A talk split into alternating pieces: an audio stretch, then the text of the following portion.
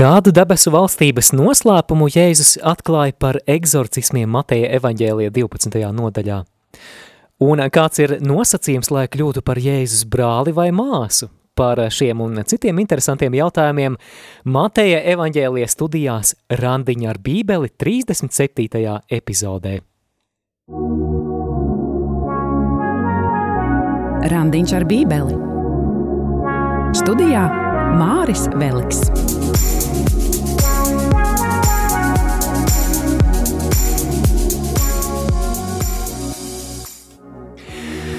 Esiet sveicināti, darbie Bībeles draugi, darbie Bībeles lasītāji un randiņa ar Bībeli klausītāji. Māris Veliks šeit pie mikrofona. Turpinām studēt Mateja evaņģēliju. Šoreiz mums tas prieks noslēgt arī 12. nodaļas studijas, un, ja savā Bībelē seko līdzi svēto rakstu tekstiem, tad atšķir Mateja evaņģēlija 12. nodaļu, un mēs šodien lasīsim fragmentu no 43 līdz 45. pantam. Un kā Allaš arī šī sezonas laikā raidījuma ievadā vēlos atgādināt, ka šobrīd tev ir iespēja kļūt ne tikai par randiņā ar bībeli klausītāju, bet arī par skatītāju. Ja lieto internetu, tad meklē randiņš ar bībeli Facebook lapu, kur šobrīd var arī redzēt šī raidījuma video tiešraidi, vai arī meklē YouTube Radio Marija Latvija tiešraides kanālu. Nu, noteikti, noteikti neaizmirsti ielaikot un arī abonēt šos kanālus, lai ikdienā saņemtu visus jaunumus saistībā ar Radio Mariju vai vēl konkrētāk arī ar raidījumu Randiņš ar bībeli. Bet šajā brīdī raidījuma ievadā mēs meklējam Dievu, jo zinām, ka Dievs, kurš ir iedvesmojis šo vārdu, kuru mēs šodien studēsim, ir tas, kurš mūsu sirdis spēj darīt par auglīgu augsni, lai Dieva vārds, krītot kā sēkla, varētu nest labus augļus. Nākam Dieva priekšā. Dieva tēva un dēla un svētā gara vārdā – Āmen. Mīļais svētais gars, mēs ilgojamies pēc tavas klātbūtnes šajā raidījumā. Es ticu, ka šī raidījuma laikā tu darīsi prātam neaptveramas lietas, kuras es pat nenojaušu, kuras klausītāji pat nenojaušu. Mēs lūdzam, lai tava klātbūtne tik jaušama būtu šī raidījuma laikā, tur, kur radio Marija šobrīd skan, tur, kur skanēs arī šī raidījuma atkārtojums no arhīva, Kungs, dari savu darbu pie mūsu sirdīm, un mēs lūdzam, lai Tava vārda studijas mūs tuvina Jēzum Kristu mūsu kungam un pestītājam, ļaujot viņu vairāk iepazīt un iemīlēt. Es svētīju visus radio klausītājus Jēzus Kristus vārdā. Āmen. Svētais Matei lūdz Dievu par mums.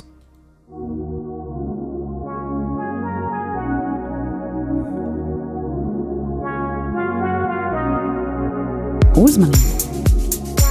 Raidījums vedot klausītāju pa Bībeles dzīļu aizraujošajiem līkločiem, kur iespējams vēl nekad nav būts, var izraisīt nopietnu atkarību no privāta randiņa ar svētajiem rakstiem ikdienā.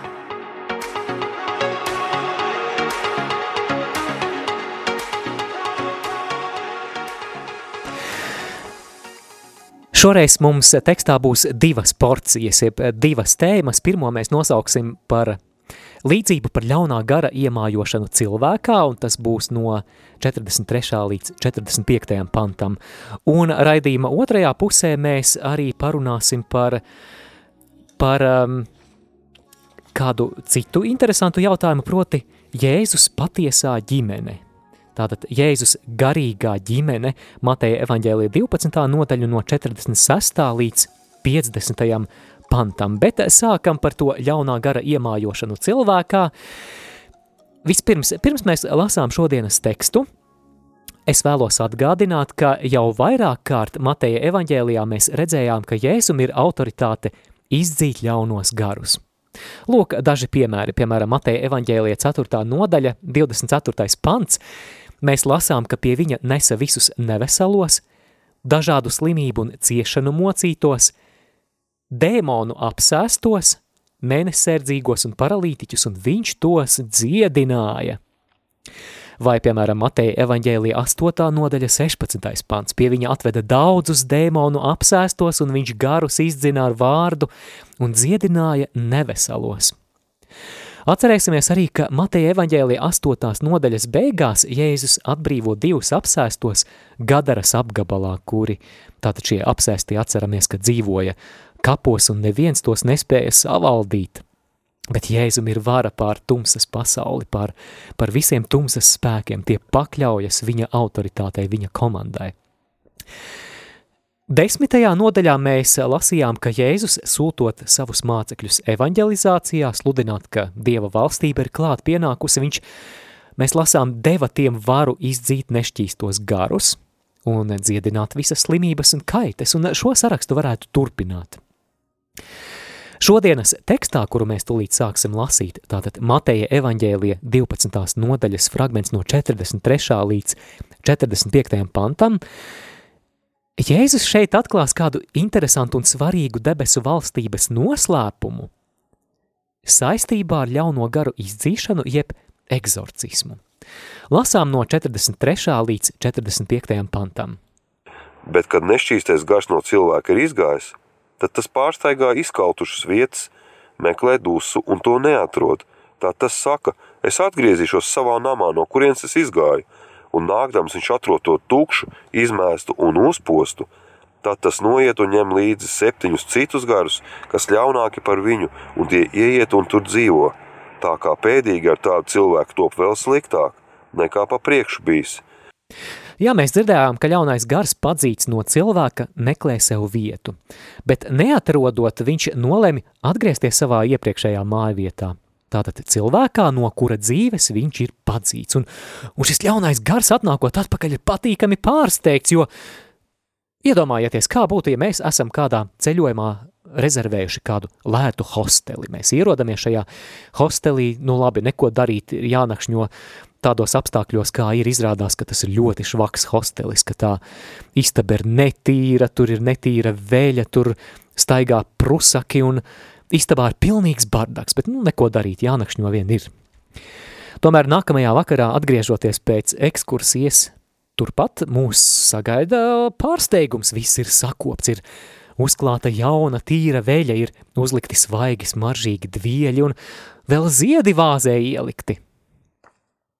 Jā, līdzīgi šis ļaunais gars atgriežas pie cilvēku un atrod viņu nevien attīrītu uzpostu, bet, un, un tas ir pats svarīgākais, ka savas būtības centrā tukšu neaizņemtu. Un ko dara ļaunais gars? Jēzus tālāk 45. pantā saka. Tad tas noiet un ņem līdzi septiņus citus garus, kas ļaunāki par viņu, un tie ieiet un tur dzīvo. Tā kā pēdīgi ar tādu cilvēku top vēl sliktāk, nekā pa priekšu bijis. Ļaunais gars ir gatavs ievākties atpakaļ. Jēzus brīdina, ka šī cilvēka stāvoklis kļūst tikai sliktāks, un kāpēc septiņi, septiņi vēl ļaunāki gari iemājo cilvēkā līdz ar pirmo. Skaitlim septiņi bībelē parasti ir kāda simboliska nozīme. Septiņi bībelē ir pilnības skaitlis, un šajā gadījumā, ja runa šeit ir par šiem septiņiem ļaunajiem gariem, tas var nozīmēt, ka cilvēks pilnībā ir nonācis ļauno spēku varā.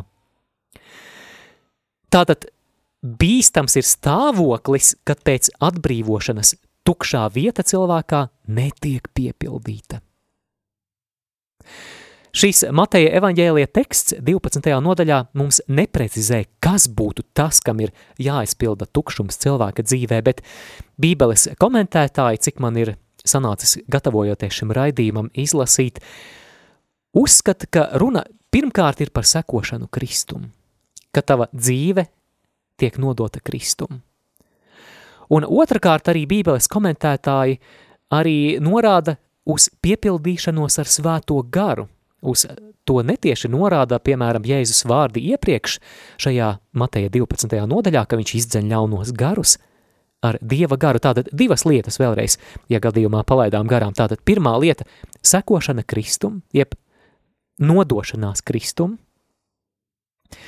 Un otrkārt piepildīšanās ar svēto garu. Šīm divām lietām raidījuma turpinājumā būs, būs ļoti, ļoti liela nozīme, bet mēs līdz tam vēl nonāksim. Dargo radio klausītāji, ja tev ir arī kāds komentārs vai jautājums vai pārdomas, tad uh, droši iesaisties ēterā un jebkāda iesaistīšanās būs tikai apsveicama un varbūt, ja nezini, kā iesaistīties, tad klausoties šo, šo raidījumu, pamēģini arī gluži kā iepriekšējā reizē saprast, kas ir tā viena lieta, tā viena svarīgākā doma, kuru no šī raidījuma tu gribētu paņemt līdzi. Un cerams, ka līdz raidījumam arī tad mēs sajutīsim to, ka mūsu ir daudz. Iesaisties ēterā, zvanot uz studijas tālruni 67 969 131 vai rakstot īsiņu uz numuru 266 77 272. Izmanto arī e-pasta iespēju studija at rml.lv.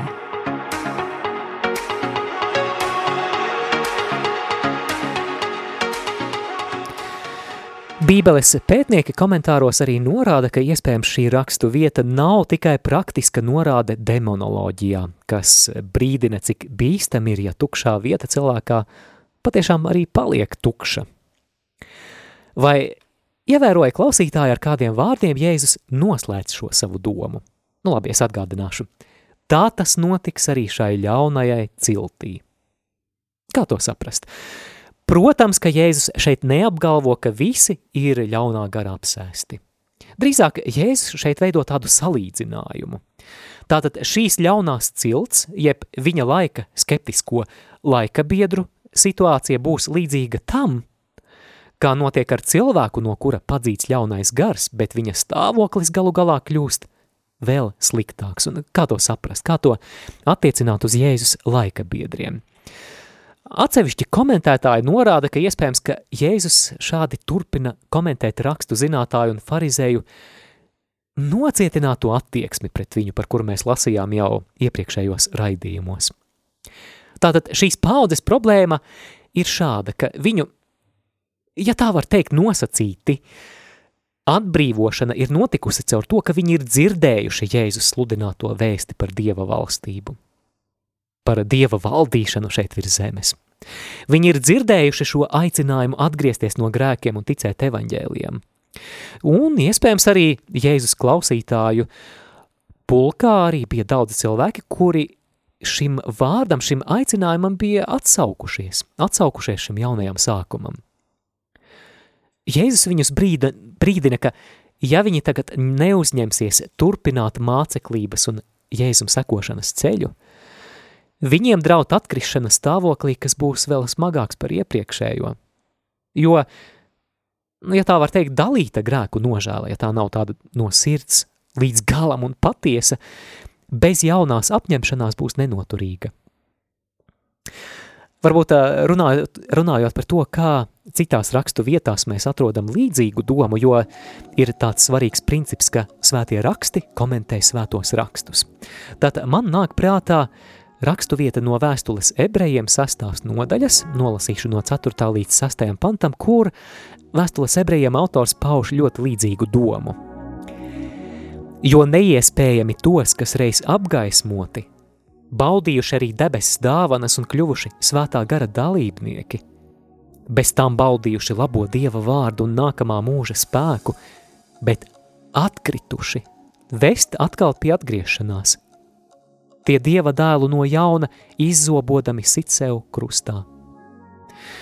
Vai arī tālāk pašķirot uz eh, vēstules ebrejiem desmito nodaļu, mēs lasām no 28. panta, un ja mēs patiesības atziņu saņēmuši apzināti grēkojam, tad vairs neatliek upuris par grēkiem, bet gan šausmīgas tiesas gaidīšana un uguns niknums, kas aprīs pretiniekus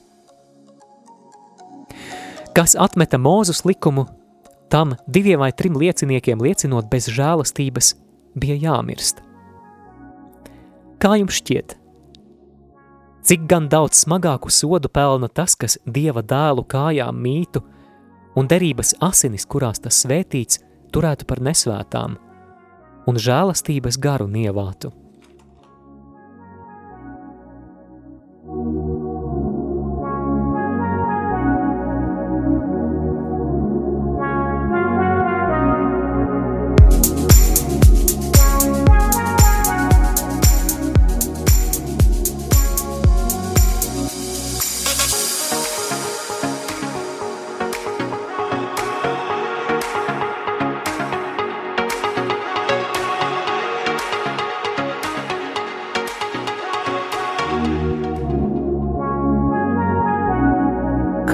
Dzirdētais attiecas uz manu dzīvi.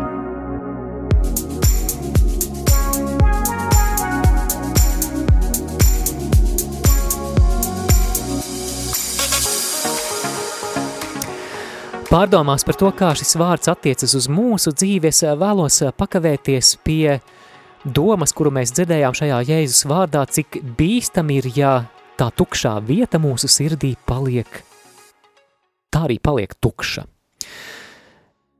Kādos Jēzus pieņemšanas vakaros, varbūt Marijas kristīgās dzīves un evanģelizācijas skolā vai vēl kaut kur citur, es esmu lietojis šādu līdzību, kurā arī vēlos padalīties ar tevi, kas šobrīd klausies randiņu ar bībeli. Iztēlojies, ka tava sirds ir tronis. Jā, karaļa tronis. Dargo klausītāji, Dievs tevi ir radījis, lai tu būtu mīlestības attiecībās ar viņu. Viņš vēlas būt tavas sirds troņa centrā. Un patiesībā tikai tad, ja mūsu sirds tronī vietu ir ieņēmis Dievs, kurš mūs ir radījis sev, tikai tad mēs varam piepildītu dzīvi dzīvot. Tikai tad tas tukšums, ar kuru, tas tukšums, kuru mēs nevaram piepildīt ne ar vienu citu lietu, tad, tad tas saņem to piepildījumu, kurš nekādā citā veidā nav iespējams. Tātad tikai tad, ja Dievs valda tavas sirds tronī, tu vari piedzīvot to dzīvības pārpilnību, kuru viņš ir vēlējies tev dāvāt. Bet jautājums, kas, ja Jēzus nav tavas sirds tronī? Un te ir kāds svarīgs princips, kurš izriet lielā mērā no rakstu vietas, kuru mēs tikko pārdomājām. Un uzmanību tavas sirds tronis nekad nepaliek tukšs. Tavas sirds tronis nekad nepaliek tukšs. Ja tas nav Jēzus, kas valda tavā dzīvē, klausītāji, tad tas būs kaut kas cits. Nauda, bauda, es pats, mans ego, mana lepnība, darbs, attiecības, hobijs – Tavas sirds tronis nekad nepaliek tukšs, tur nav iespējams vakums. Ja tur nav Jēzus, tad kaut kas cits, proti tas, kas ir svarīgākais tavā dzīvē, būs ieņēmis vietu tavas sirds tronī. Bet, ja tas nav Jēzus, kas piepilda mūsu dzīvi, mēs sevi pakļaujam iznīcīgām lietām, kas mūs pašus beigu beigās var vest uz iznīcību. Nu, piemēram, nauda. Nauda jau nav slikta pati par sevi. Ar naudu var labas lietas veikt, un tā ir svarīga mūsu izdzīvošanai, bet ja tā ir galvenā lieta manā dzīvē, nu, ko tas man palīdzēs, ja mūža beigās manu kapu varēs aizbērt ar zelta monētām? Vai ar naudu es varu nopirkt mūžību? Tu zini atbildi, nē. Nemaz nerunājot arī par kādām ļaunām lietām, par grēku. Piemēram, ja grēks valda pār mums, tas mūs garīgi nogalina. Apustulis Pāvils rakstīja, ka grēka alga ir nāve, un ar to ir domāta mūžīgā pazušana.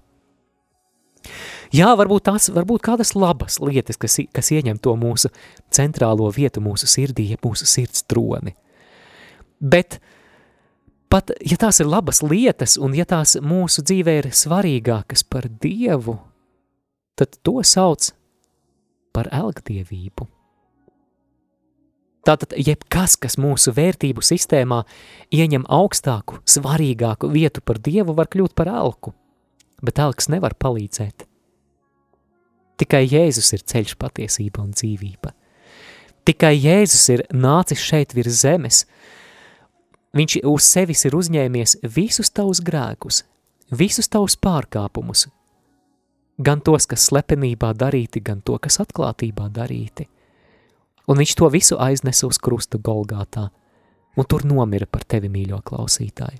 Izlēja savas svētās dārgās asinis, atdodams sevi kā izpirkuma maksu tavā vietā, izciesdams sodu pie krusta un trešajā dienā augšām ceļoties. Un, Dārgo klausītāji, šajā brīdī raidījumā es vēlētos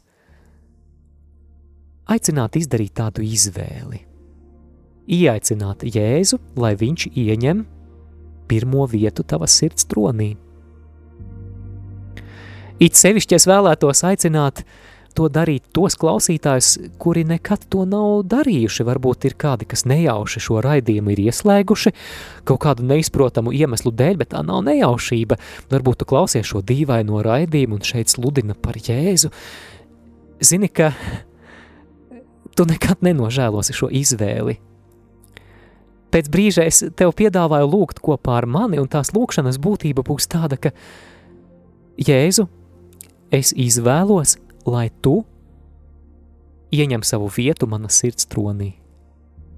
Esi mans kungs, esi mans glābējs un pestītājs, un es aicinu arī to darīt tos klausītājus, kuri, kuri varbūt, varbūt tu klausītāji šobrīd esi pie rādio aparāta vai pie citas skanošās ierīces, un varbūt tu atceries tos laikus, kad tu patiešām mīlestībā liesmoji par Jēzu. Tu atceries to laiku pēc atgriešanās, kad tu biji tādas dedzības pilns.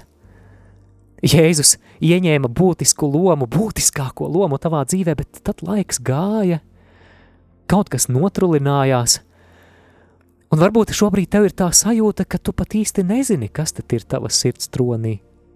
Tev nav tās pārliecības, ka tas ir Jēzus. Tu jūti varbūt, ka kaut kādi ikdienas daži un, un ērkšķi Jēzu sāk izkonkurēt. Varbūt ir kādas lietas, kas Jēzu sāk papītīt maliņā, paraujies maliņā. Arī mēs šeit gribam iekļūt šajā sirdī un ieaicini atpakaļ Jēzu savā sirds tronī.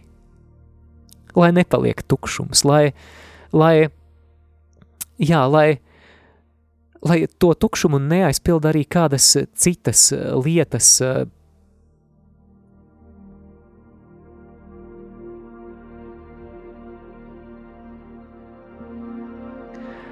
Dārgo klausītāji,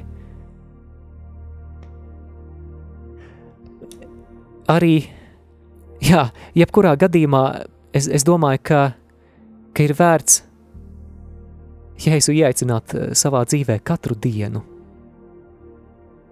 katru dienu. Un eh, atver savu sirdi Jēzum un lūdz kopā ar mani. Kungs Jēzu Kristu, es ticu, ka esi nomiris par mani un augšām cēlies. Es nevēlos, lai mana sirds pieder kam citam. Es vēlos, lai svarīgākais manā dzīvē esi tu. Tad nu ienāc manā sirdī – ieņem savu vietu mana sirds tronī. Un esi mans valdnieks, esi mans glābējs, esi mans pestītājs. Vadi manu dzīvi. Es pilnībā uzticos Tev. Jēzus, slava Tev, kungs! Un ir vēl kāda lieta – Mēs jau raidījumā runājām par to, ka ir divas lietas, ko Bībeles pētnieki uzskata kā tādas, kas ir tas Jēzus aicinājums, lai mēs aizpildām to mūsu tukšumu. Pirmā ir šī nodošanās Jēzum, un tikko mēs izdarījām tādu simbolisku žestu, tādu simbolisku soli atverot savu sirdi Jēzum. Bet otra lieta, nu, kurš atcerās, kas tas bija? Tā ir piepildīšanās ar svēto garu. Un, dārgo klausītāji, es vēlos arī tagad lūgt par tevi, lai tu, ja tu vēlies vairāk saņemt svētā gara izliešanu šajā brīdī, lai tu to reāli piedzīvotu. Viss ir atkarīgs no tā, vai tu slāpsti pēc tā, vai tu to gribi. Un šajā brīdī, ja tu gribi vairāk piedzīvot svēto garu savā dzīvē, es, es par tevi lūkšu.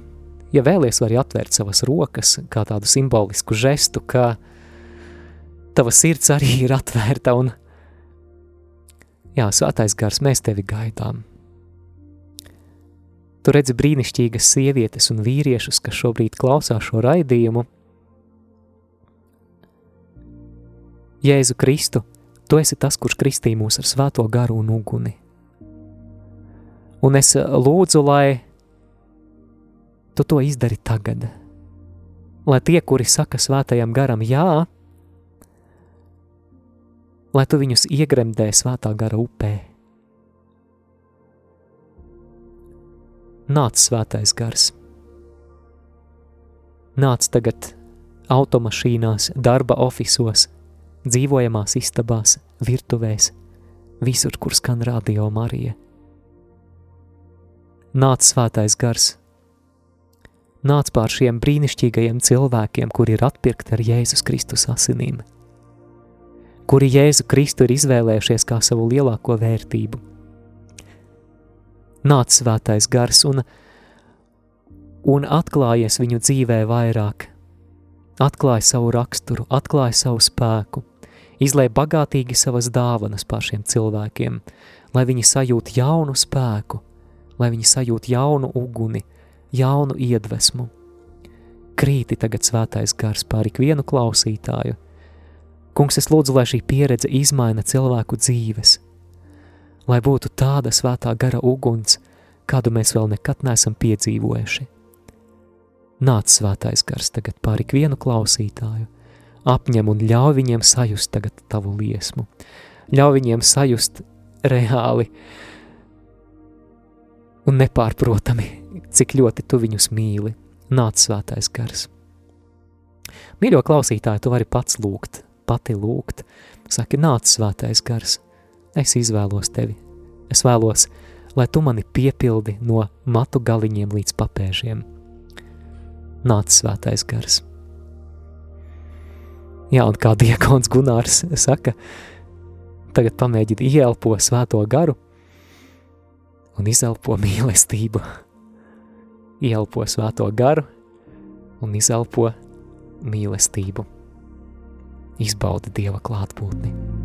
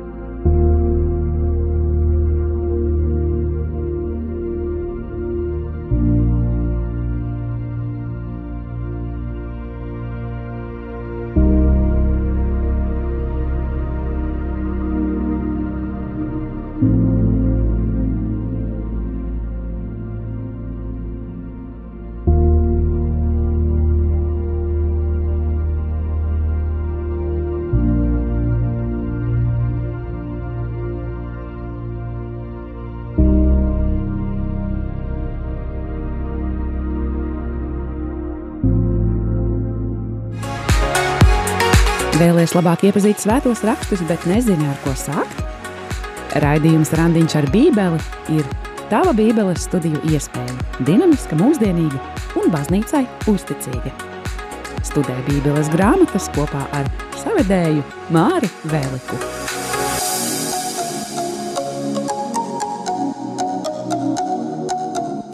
Jā, kāds klausītājs vai klausītāja raksta, vai varu lūgt arī par savu ģimeni. Protams, ka par ģimeni var lūgt, bet jā, kādā brīdī katram pašam ir jāizdara tā izvēle, tas lēmums, ka es izvēlos sekot Jēzum, ka es izvēlos Jēzu pieņemt par savu kungu, bet mēs varam lūgt par mūsu tuviniekiem, lai patiešām Dievs viņus nobriedina un dara gatavus šai svarīgajai, svarīgajai dzīves izvēlei iepazīt Jēzu, būt ar viņu, ļauties viņam un pilnībā viņam piederēt. Bet šajā brīdī mēs sākam raidījuma otro daļu un nākamā svēto rakstu porcija, tātad Mateja evaņģēlija 12. nodaļa joprojām un pašas, pašas beigas. Lasīsim no 46. līdz 50. pantam un šīs atkāpes nosaukums varētu būt Jēzus garīgā ģimene sākam lasīt 48. un 47. pantu. Tā arī notiks šai ļaunai paudzei, un viņam uz ļaudīm, runājot redzi, viņa māte un brāļi stāvēja ārā un gribēja ar viņu runāt. Un kāds viņam sacīja, redzi, tava māte un tava brāļi stāv ārā un meklē ar tevi runāt. Jā, Jēzus māte un brāļi vēlas satikt Jēzu. Es eh, vispirms atgādināšu arī to, ka Katoļu baznīca uzsver, ka Marija visu mūžu palika jaunava, Jēzum esot viņas vienīgajam bērnam. Bet kas tādā gadījumā varētu būt Jēzus brāļi? Te ir vērts ņemt vērā to, ka grieķu vārds adelfoi, kurš šajā rakstu vietā arī ir lietots un daudzās citās, un kas pamatā tiek tulkots kā brāļi, var nozīmēt arī citus radiniekus. Tātad šis termins ir krietni plašāks par brāļiem, tādā tiešā nozīmē. Un, piemēram, grieķu valodā nav vārda brālēni. Brālēnus apzīmētu ar to pašu vārdu adelfoi. Un katoļu komentāros es atradu arī tādu interesantu argumentu, piemēram, ka ir maz ticams, ka Jēzus pie krusta uzticētu savu māti apustulim Jānim, ja viņai būtu citi dēli, kas par viņu varētu parūpēties.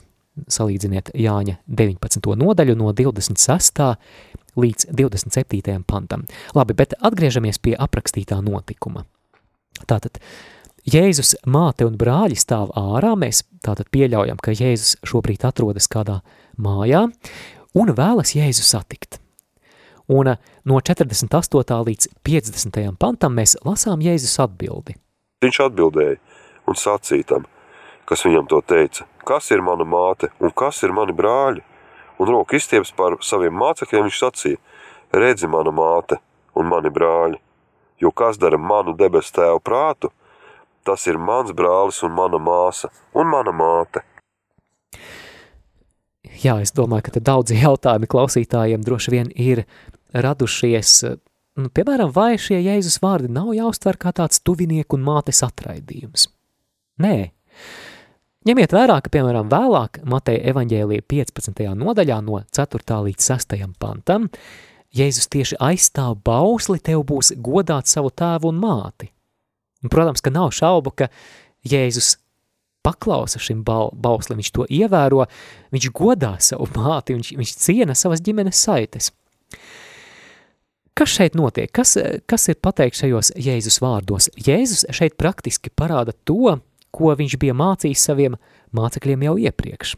Atcerēsimies, ka Mateja evaņģēlija 8. nodaļā kāds cilvēks nāk pie Jēzus un saka viņam, tātad Jēzus viņu aicināja, un šis cilvēks saka, kungs atļauj man vispirms aiziet un apglabāt savu tēvu. Bet Jēzus atbildēja viņam, seko man un atstāja mirušajiem apglabāt savus mirušos. Proti viņš parāda, ka pat vissvarīgākās šīs zemes saites nedrīkst gūt virsroku pār Dieva valstības lietām. Runa šeit ir par prioritātēm. Un tagad Jēzus prioritāte ir viņa garīgā ģimene, Jēzus mācekļi, Jēzus sekotāji. Tātad Jēzus mācekļi tagad ir viņa īstā ģimene, un šī sekošana Jēzum, šī izvēle būt ar viņu kopā, ir radījusi jaunas un vēl būtiskākas saites starp Jēzu un viņa sekotājiem.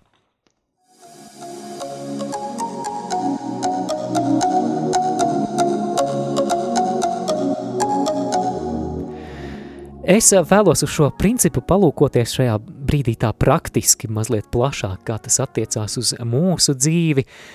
Ja mēs, piemēram, runājam par bērnu un vecāku attiecībām, tad bērna saites, un es domāju, ka visiem tas ir zināms, bērna saites ar savu dabisko ģimeni nebūs mūžīgas. Piemēram, katoliskās baznīcas katehisma 2232. paragrāfs. Lai cik svarīgas arī nebūtu ģimenes saites – tās nav absolūtas.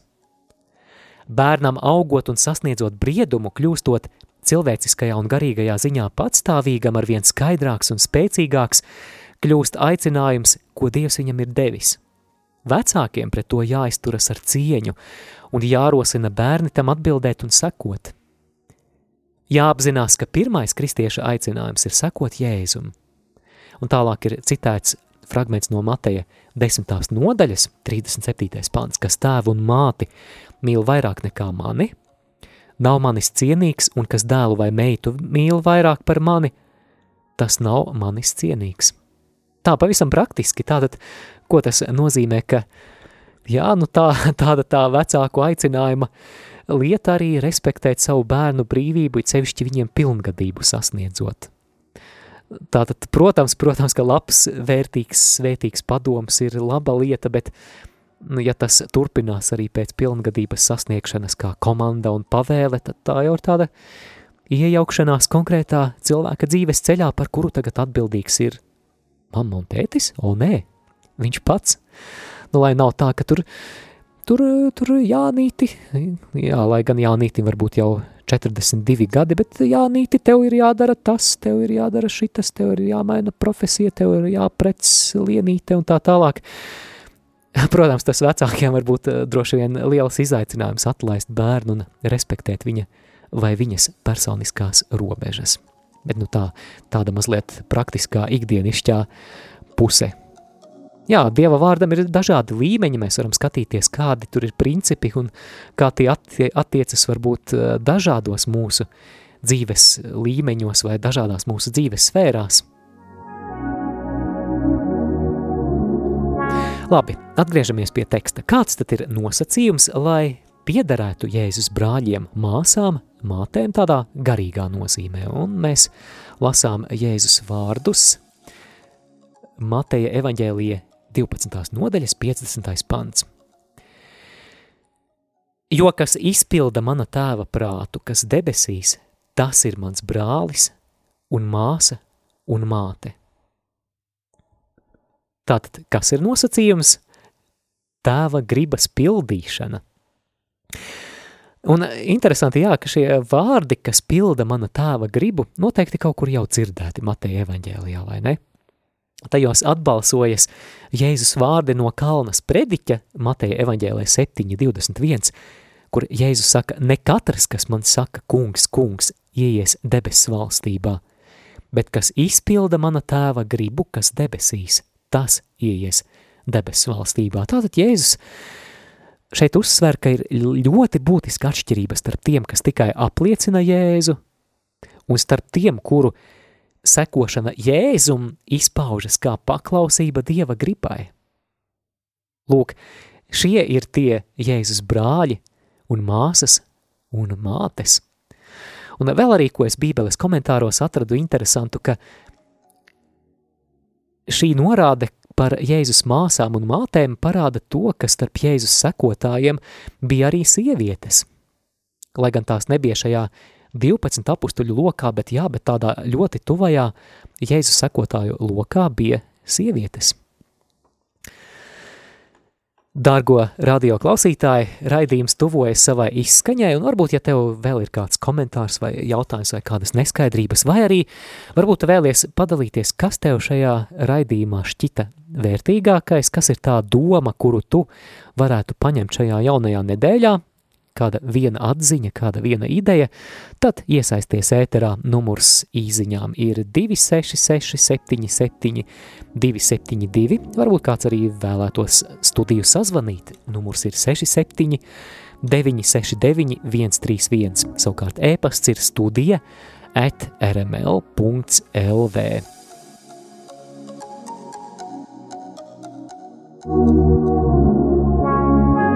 Randiņš ar Bībeli.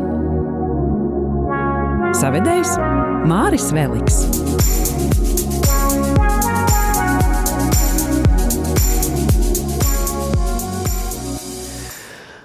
Un vēl runājot arī par šo rakstu vietu, kurā Jēzus runā par savu jauno, garīgo, patieso ģimeni, vēl viena svarīga, manuprāt, piebilde par Mariju, Jēzus māti.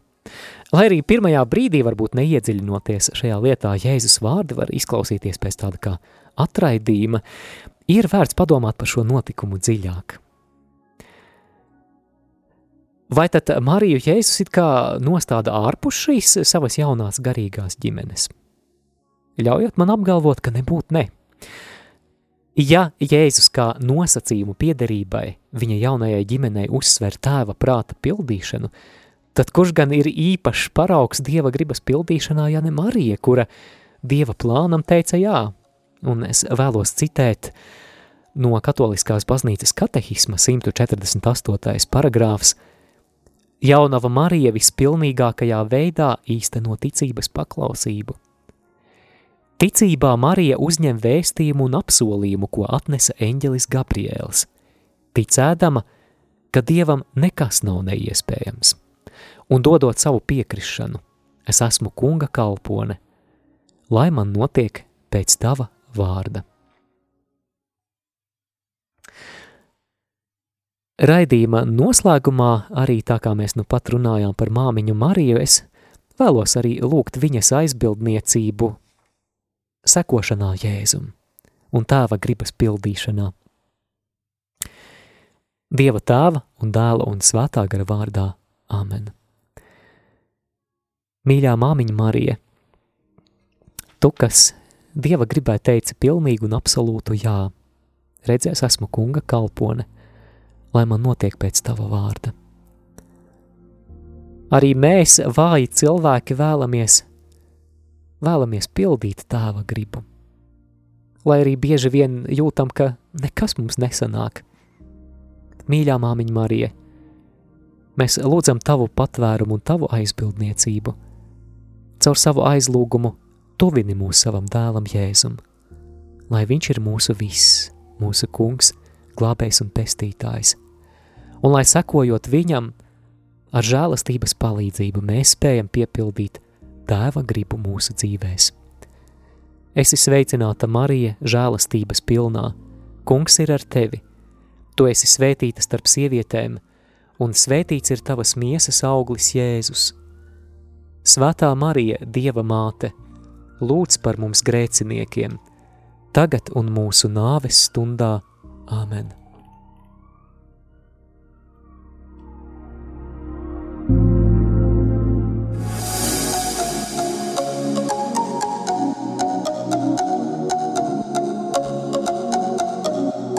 Jūs klausījāties raidījumu Randiņš ar Bībeli. Savas atsauksmes, ieteikumus un jautājumus sūtiet uz e-pastu Randiņš ar Bībeli at gmail.com. Iepriekšējās raidījuma epizodes aicinām meklēt arhīvā.